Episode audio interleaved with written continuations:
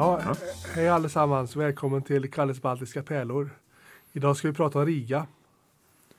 Ja, och jag är med på ett hörn. Jag heter Johan. Ja. Ja.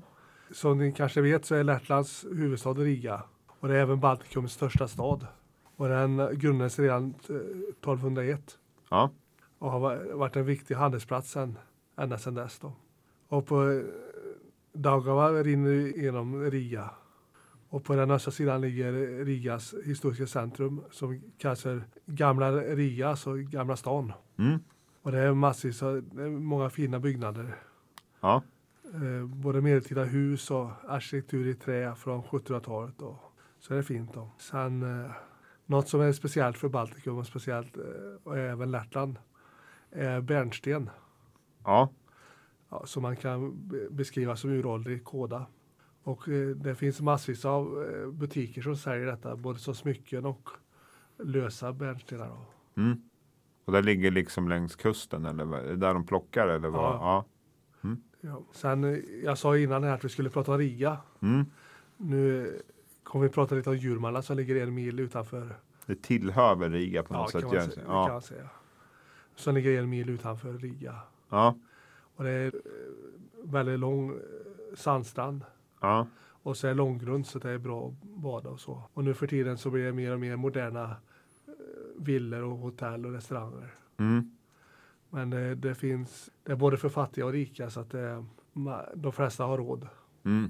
Och det bästa sättet att nå är att köra eh, lokaltåg. Ja. Om vi tar som, vi har ju pratat om, eh, lite om alkoholkulturen i Riga Ja. med Riga Balsam. Så jag tänkte säga att vin, sprit och choklad och öl är mycket billigare i Lettland än i Sverige. Och choklad är populärt. Under Sovjetåren så var lettisk choklad den som var mest populär. Köpte du någon när du var där? Jag har inte gjort det faktiskt. Nej. Men Laima heter eh, företag, eller vad ska jag säga. Ja, det är typ deras Marabou typ Ja. eller? Ja, okej. Ja. Och det finns även i vissa shoppar där man kan köpa mörk choklad. Ja. Sen, vi pratade lite om hipsterkvarteren. Mera Ela. Ja. Eh, Det ligger ungefär tre kilometer från Gamla stan. Och det är pubbar och kafferosterier och second hand. Och, Låter som min kopp av te. ja, det, Mm. det får du testa på tycker jag. Ja. Så- Eh, Sen om vi ska ta lite, eh, vi, vi pratade om ockupationsmuseet förut. ja. Som jag var inne på, 1920 blev Lettland självständigt. Men redan 1940 kom Sovjet och ockuperade. Och sen tyskarna och sen Sovjet mellan 45 och 91. Så på det här ockupationsmuseet så visar de ja, både jude, judeutrotningen och Sovjettiden, avlyssningar och sådana saker. Mm. Hade du varit där? Ja, jag var där. Ja. Var det Ja, intressant? Ja, jätteintressant. Något speciellt som stack ut tyckte du som var du som har ett historiskt intresse tänker jag. Ja, men eh, jag har ju varit inne på det för livet under Sovjet Ja. tycker jag är intressant. Och Mm. man kan säga att de har, alla baltiska, speciellt Estland och Lettland, har haft ganska tuff historia med ockupationer. Och, Mm. om vi ska prata lite om Svenskporten. Mm. När det, det var bödeln som bodde där. Så före en avrättning så är- la han ut röda rosor i fönstret. Ja. Ligger den liksom i anslutningen till Gamla stan då? Ja, eller? ja, det är det. ja. Jag har säkert gått igenom den utan att jag tänkt på det bara. Ja, Ja. jag, jag, jag har sett den. ja. Det är intressant. Tog du något kort när du var i Baltikum eller? Ja, första resan tog Ja. jag, har jag lite kort ifrån. Ja. Sen det här saluhallar som vi ska prata om nu, det har jag varit och besökt. Mm. Eh, och från början så fungerar det som hangarer åt zeppelinare. Men nu är det mer, vad ska man säga, att de, de säljer fisk och ja, Det är som Söderhallarna i Stockholm typ skulle man väl kunna säga. Ja. Ja. kanske som fiskekyrka. Mm. Ja, det går att hitta allt möjligt här. ja. Hade du liksom någonting, eh, vad handlade du där i saluhallarna? Var det någonting Ja, vi, vi kollar bara. Du handlade inget? Nej, men det var jäkla, som sagt mycket fisk och, Ja. och med så här fo, fotbollströjor och Ja, hal, halsdukar. Och, ja okej. så de här, det finns allt möjligt att hitta där. Ja, Så det rekommenderar jag om man åker till Lettland, Ja. Riga, att man åker, går, går dit. ja. Kanon. Ja. Sen har du ju, vad heter det, jag läser lite, jag ska säga, kan tillägga att vi läser lite från anteckningar vi har gjort, så vi har tagit upp lite viktiga saker vi ska ha med här Ja. bara. Eh, och då har du skrivit om, vad heter det, Frihetsmonumentet? Ja. Milda. Ja. Eh, Det har jag passerat många gånger. ja. Det är mäktigt eller? Jag har sett det 42 Ja. meter högt. Det är en kvinna, en gudinna kan man säga, Mm. Som håller upp eh, tre stjärnor Mm. som ska symbolisera de eh, historiska områdena i, i Lettland. Ja. Om det är på svenska tror jag man kan säga Kur, Kurland, Livland och eh, Lättgarden. Okej. Och Så det, det är ungefär lite som eh, Götaland, Svealand. Och, Ja, okej, det är som län liksom. Ja, Ja. okej, ja men då förstår jag. Ehm, sen här, alltså Lettlands Skansen. ja, just det. Ja, Latvian Ethnographic Open Air Museum. ja, s- ett stort eh, utomhusmuseum med 100 hektar. mm. Med fiskebyar och kyrkakvarn och bondgårdar. Var det någonting du besökte när du var där eller? Nej, just den har jag inte. Nej, det känns ju verkligen som en sån här eh, dagstripp. Man Ja. inte gör det på någon timma bara. Vi pratade ju om Tallinn här för några veckor sedan. Ja, Det kan vara skönt avbrott från all turist i Gamla stan. Och mm. kanske, ja. du kan, ska du ta tre bröder? då? ja absolut, det kan jag göra om du vill. Ja, Du har ju skrivit här lite om tre bröder.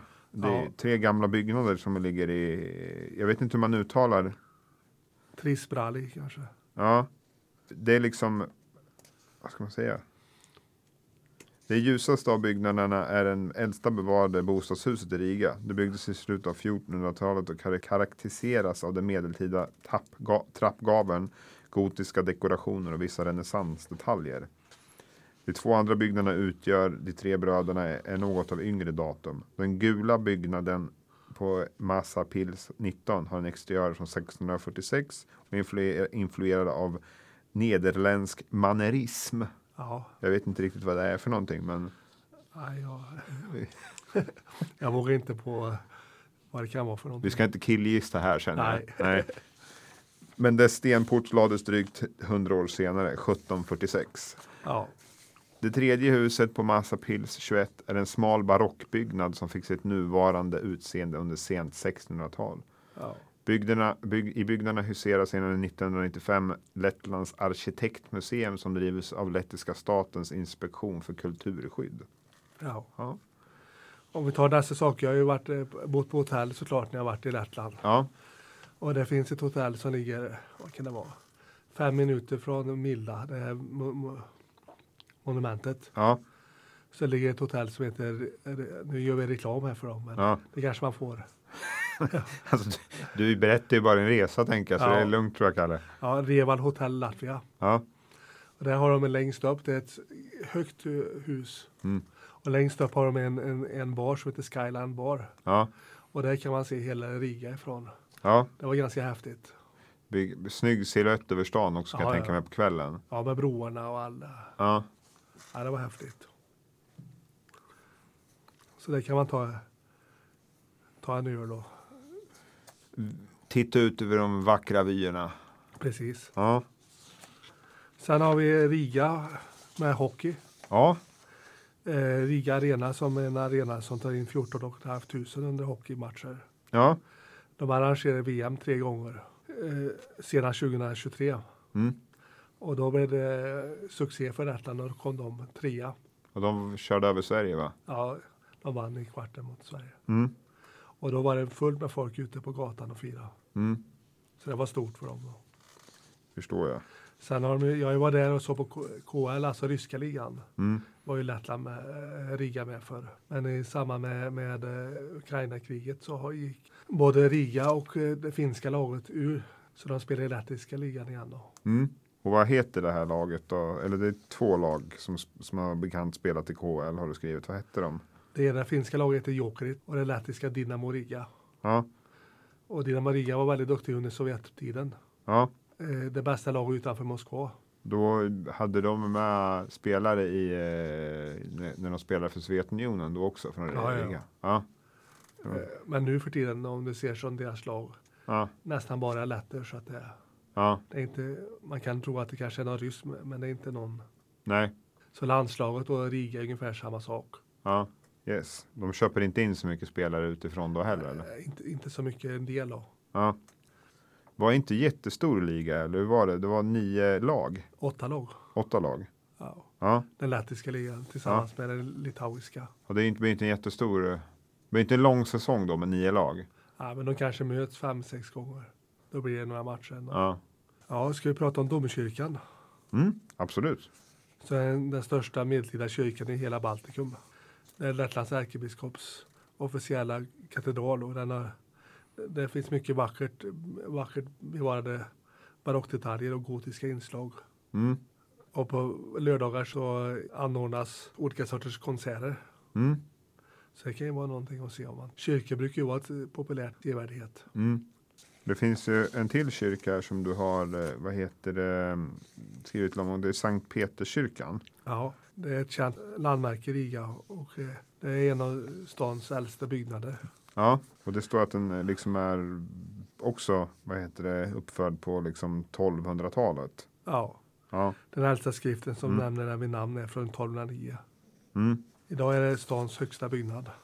Sen, även där, precis som den här Skyline Bar, mm, så är det fantastisk utsikt. mm. 70 meter upp. Ja, då är den eh, högt upp liksom. Ja, Ja. Det kanske inte finns någon takbar där. Nej, Nej, det kanske inte rimmar bra med kyrkligt. nej, Att man dricker öl och... nej. Det blir dålig stämning då. Ja, Men det, där, vi, där vi faktiskt, som vi har pratat om, som vi missat upp nu, det var ju att i Djurmalla som vi pratade om förut, badorten, ja, så fanns det ju rätt mycket span. ja, Det verkar ju vara en grej de försöker locka ja, turister med. precis. Ja, Och det är massage och ja, chokladbehandling ja, och arom, aromaterapi. Jag har för mig att innan det var Sovjetunionen så var det många svenskar som åkte till Djurmalla och, och, och levde efter med spa och ja, det var väldigt po- populärt förr. ja. Spa kanske inte var så vanligt i Sverige på den tiden heller då liksom. Nej, men då, jag vet inte hur det såg ut med levnadsstandard på den tiden i Sverige och Lettland. Och, Det kanske inte skilde sig så mycket då i och för sig.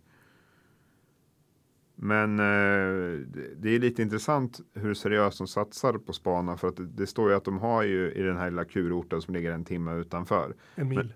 en mil. Ja, Ja, precis. Det var inte en timme, det blir ju, då, då kör man med epatraktor då i så Ja. fall. eh, det står ju att de har ett i Gamla stan också. Ja, Ja, speciellt ställe att placera ett spa på, alltså, Ja. tänker jag. spacenter, Ja, lugnande musik. Och, ångbastu och grejer. Ja. Har, har du någonting mer du tänker på som du när du var i, liksom, i så här i Riga som vi inte har tagit med här som du tyckte var riktigt trevligt? jag hade ju, igår läste vi någonting om det här museet som man kunde få i Sovjet. Typ det här gamla militärområdet de hade gjort om. Det hade väl varit arbetarbostäder och fängelse där hade det Ja. varit som jag förstod det som. Ja, där hade de väl att man kunde gå in i någon slags, eh, vad heter det, historisk beskrivning men som skådespelare typ, eller hur Ja. var det? Utan att ha varit där så rekommenderar jag. Ja, Det låter spännande. ja. Det verkade obehagligt. Ja, Ja. Ska vi förklara lite vad det innebar eller? ja, Det var väl, att det var väl en journalist där från jag tror resetidningen Vagabond. ja, Eh, och man kunde gå där på en vanlig tour, jag förstod det som. ja, Men sen också att man kunde vad heter det, betala extra för att få en autentisk upplevelse. oj, oj. Ja. Och både du och jag tyckte väl att det såg ganska obehagligt ut. Ja, det håller. Det, är- Ja. Han som eh, vad heter det, ledde det hela ja, var ju gammal fångvaktare. ja, Ja. Och eh, kommer du ihåg vad man fick göra? Alltså eh, liksom så att man, för att man skulle leta, leva autentiskt. Alltså fick ju besöka, vad heter det, sitta i en fängelsehåla bland annat. ja, Och sen var det ju lite auktoritär översikt eller vad ska Ja. vi säga? Han såg, han såg arg ut. Ja. Minst sagt. Ja, Och så var det väl att man skulle ja, bli utsatt för auktoritet. ja. Du som, du som läser böcker och sånt. Ja, Du kanske har läst George Orwells eh, 1984. ja den har jag läst. Det, det, man, kan, man får sådana vibbar av.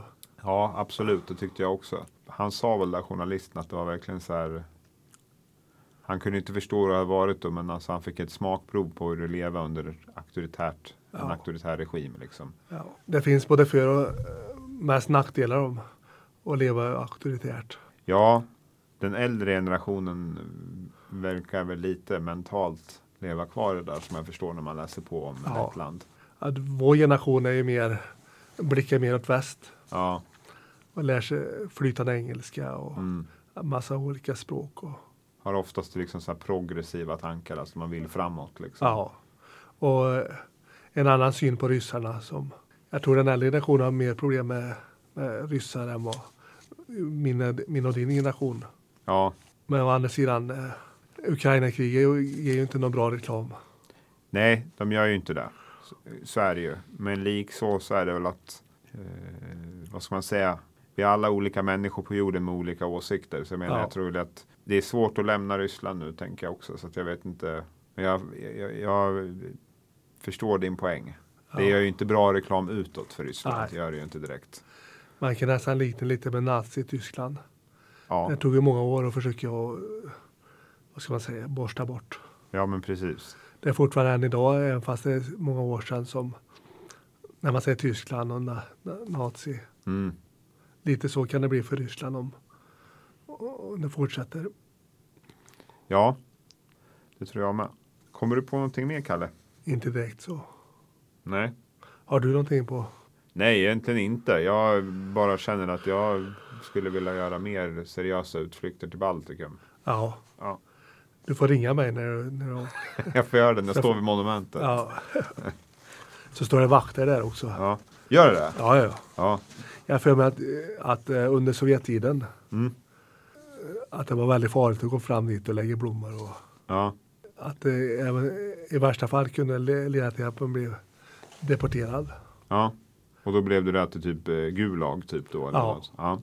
Sibirien. Ja, ja nej, jag, eh, det är någonting med alltså ex-sovjetiska länder som tilltalar mig, för de är liksom inte de tar inte friheten för givet. Någonting. Nej. Jag tror att det påverkar också eh, atmosfären i städerna. Vi har ju pratat om eh, befolkningen, den Mm. äldre generationen. De ser väldigt allvarliga ut. Mm. Och man försöker lätta upp stämningen men det går liksom inte. Nej, då, men återigen, det kanske inte är så konstigt med historien att man, när det kommer en främling och att man, nej det är väl, jag tänker väl att det blir väl ungefär lite samma sak som de här antinska krigsbarnen som kom hit. ja, och generationen före dem som var med i kriget. Det var ganska många led där som blev förstörda av kriget. ja. Ja. Känns det bra? Känns bra, bra. bra magkänsla. Jag tyckte det flöt på bra idag. Ja, det tycker jag med. Det gick bättre än vad det gjorde på, på länge. Ska vi säga tummen upp för den? Ja, detta var allt ifrån eh, Karls baltiska pärlor. Ja. Nästa gång ska vi prata om Vilnius. Ja, det låter bra det. Ja, Ha det goding. ja.